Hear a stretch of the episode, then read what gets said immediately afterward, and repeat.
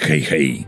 W Star Wars mamy rebeliantów, separatystów, imperialnych, republikan, Jedi i wiele innych frakcji. Mamy też przemytników i rozmaite osoby należące do półświadka. Nie należy zapominać też o łowcach nagród, którzy zostali wprowadzeni do Star Wars jedną sceną w Imperium kontratakuje, kiedy to Vader zleca łowcom poszukiwanie Hanna Solo. W scenie tej widzimy kilku najsłynniejszych łowców nagród: droida IG-88, Boska czy Boba Fetta. Od tego momentu łowcy nagród stali się mega istotnym elementem w uniwersum Star Wars, ale żaden łowca nie mógł wykonywać tej niebezpiecznej profesji bez odpowiedniego statku. Zatem zapraszam Was na subiektywny oczywiście, jak zwykle, ranking statków kosmicznych, jakimi posługiwali się łowcy nagród w odległej galaktyce. For the one who finds the Millennium Falcon. You are free to use any methods necessary, but I want them alive. No disintegration.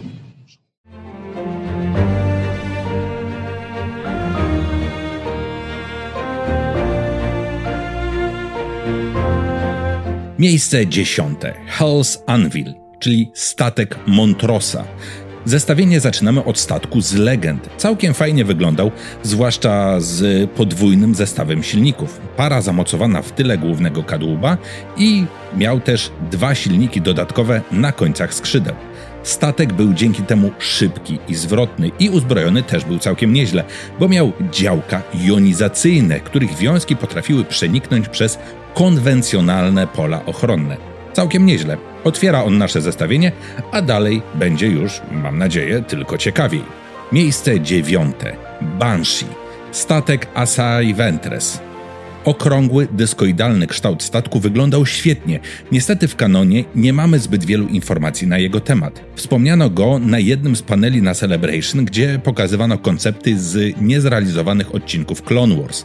Niewielki statek miał dwie kabiny, ładownię przystosowaną do pełnienia funkcji więzienia i no, w zasadzie niewiele więcej, no nie licząc kuchni. Podobny statek mogliśmy zobaczyć w Rebeliantach. Miejsce ósme. Justifier, czyli statek Kada Baina. Ciekawy statek, jeden z kilku, którymi posługiwał się ten łowca nagród.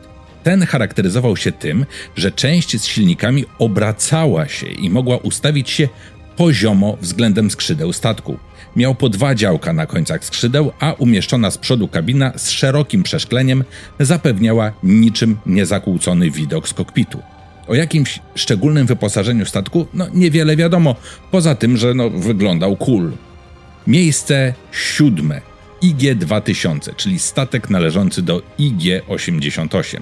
Ten statek znany jest głównie z legend, gdzie nawet w świetnym albumie o pojazdach Billa Slawicka pokazano jego przekrój i dane techniczne. Zaprojektowany przez samego droida IG-88, statek miał 20 metrów długości i jego cechą charakterystyczną było to, że jego kompensatory inercyjne były zazwyczaj wyłączone.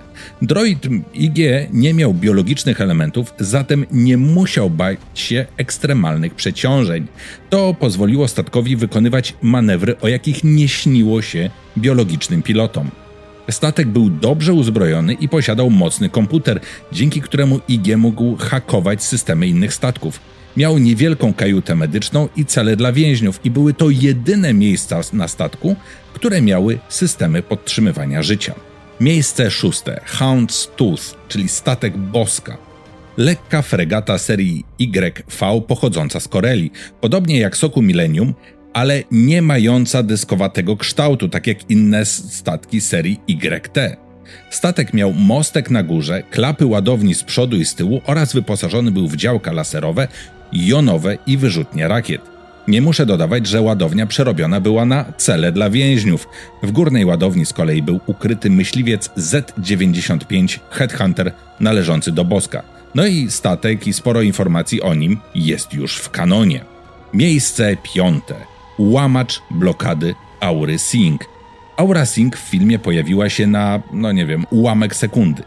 Widać ją, kiedy stoi w jednej scenie podczas wyścigu podów na Tatooine w epizodzie pierwszym, a tu proszę, miała do dyspozycji swój własny, koreliański, sporej wielkości statek. Mówi się o nim, że to był łamacz blokady, natomiast w mojej opinii to Łamacz blokady to był taki statek jak Lei w epizodzie czwartym, no i ten należący do Aurysing go nie bardzo przypominał. To raczej statek konsularny, podobny do tego, którym Obi-Wan i Qui-Gon przylecieli na negocjacje na Nabu. Nie wiem co prawda jak Aura nim latała, bo obsługa czegoś takiego w pojedynkę była chyba niewykonalna, ale no nieważne, odnotowujemy ten fakt z legend. Aura miała też myśliwiec, przewożony na pokładzie tego właśnie większego statku. Miejsce czwarte. Myśliwiec Mandalorianina N1. Statek ten dostaje tak wysokie miejsce w rankingu, chyba tylko ze względu na sentyment. Tak, to jest ten śliczny myśliwiec z Nabu, który fascynował w epizodzie pierwszym. Tak różny w wyglądzie od na przykład X-Wingów z klasycznej trylogii. Teraz w Mandalorianinie nabrał jeszcze fajniejszego wyglądu. Stał się cały srebrny, a zamiast miejsca na robota astromechanicznego pojawiło się miejsce dla grogu. Co prawda nie ma tam toalety czy wielkiej ładowni, ale statek jest zgrabny, szybki i naprawdę nieźle uzbrojony. No całkiem cool. Miejsce trzecie. Slave 2, czyli drugi statek Boby Fetta. W legendach e, Slave 2 był statkiem, którym poruszał się Boba Fett po tym, jak w wyniku zdarzeń na Tatooine w epizodzie 6 utracił swój pierwszy i najbardziej charakterystyczny pojazd. Ten rodzaj statków był popularny wśród Mandalorian jako patrolowiec. Boba, wydostawszy się z jamy Sarlaka, przyrzekł zemstę na Hanie Solo. Znalazł zatem taki statek, dzięki któremu mógł mniej rzucać się w oczy. Mówi się, że na pokładzie było pięć wzmocnionych polem siłowym cel dla więźniów. Wielu systemów znanych ze Slave 1 na pokładzie tego statku nie było, ale ponoć system sensorów był całkiem zacny. Miejsce drugie Slave 1, czyli statek Boby Fetta. No, zabilibyście mnie, gdyby tego statku nie było w tym zestawieniu. Pojazd znany z masy memów, zwłaszcza sprzed lat, kiedy memy nie nazywały się memami, tylko po prostu śmiesznymi obrazkami, bo podobny był do żelazka i, co najciekawsze dla fanów Gwiezdnych Wojen, był uzbrojony po zęby. Miał kilka rodzajów działek, w tym kilka szybkostrzelnych, miny sejsmiczne, które robiły fajne boom. Nie muszę mówić, że ten statek był używany najpierw przez Django Fetta, potem przez Bobę i był mocno zmodyfikowaną kanonierką Firespray. Statek, kiedy Boba leczył się z ran odniesionych w Sarlaku, był przetrzymywany w pałacu Dżaby, ale udało się go odbić i tak jego historia trwa dalej. A tak w ogóle statek Boby powstał jako kopia żelazkolotu, którym latali bohaterowie komiksu Tytus, Romek i Atomek. Papcio Chmiel wymyślił taki pojazd już w latach 70. No dobra, to żart był i chyba mało śmieszny, ale jakiś był. No nieważne. Czekacie na miejsce pierwsze, więc jest miejsce pierwsze. Razor Crest. No i dochodzimy do miejsca pierwszego. Wcześniejszy statek Dina Jarina, który nie był myśliwcem. Jest to tak naprawdę idealny środek transportu dla łowcy nagród. Nie za mały, nie za duży i jednocześnie z zewnątrz wyglądający na dostatecznie zdezelowany, aby nie rzucać się w oczy, kiedy ląduje w jakimś zadupiastym porcie. Na pokładzie jest miejsce do spania, toaleta, uzbrojenie, niewielka ładownia i nawet komora zamrażania w karbonicie, aby y, przewożeni więźniowie nie sprawiali kłopotu. Tak, właśnie taki statek chciałbym mieć. Dzięki wielkie za oglądanie. Dajcie znać w komentarzu, jak podobał Wam się ten filmik. Koniecznie napiszcie mi, jak taki ranking powinien wyglądać według Was. Nie zapomnijcie zostawić łapki w górę i subika, aby nie przegapić kolejnych filmików na kanale.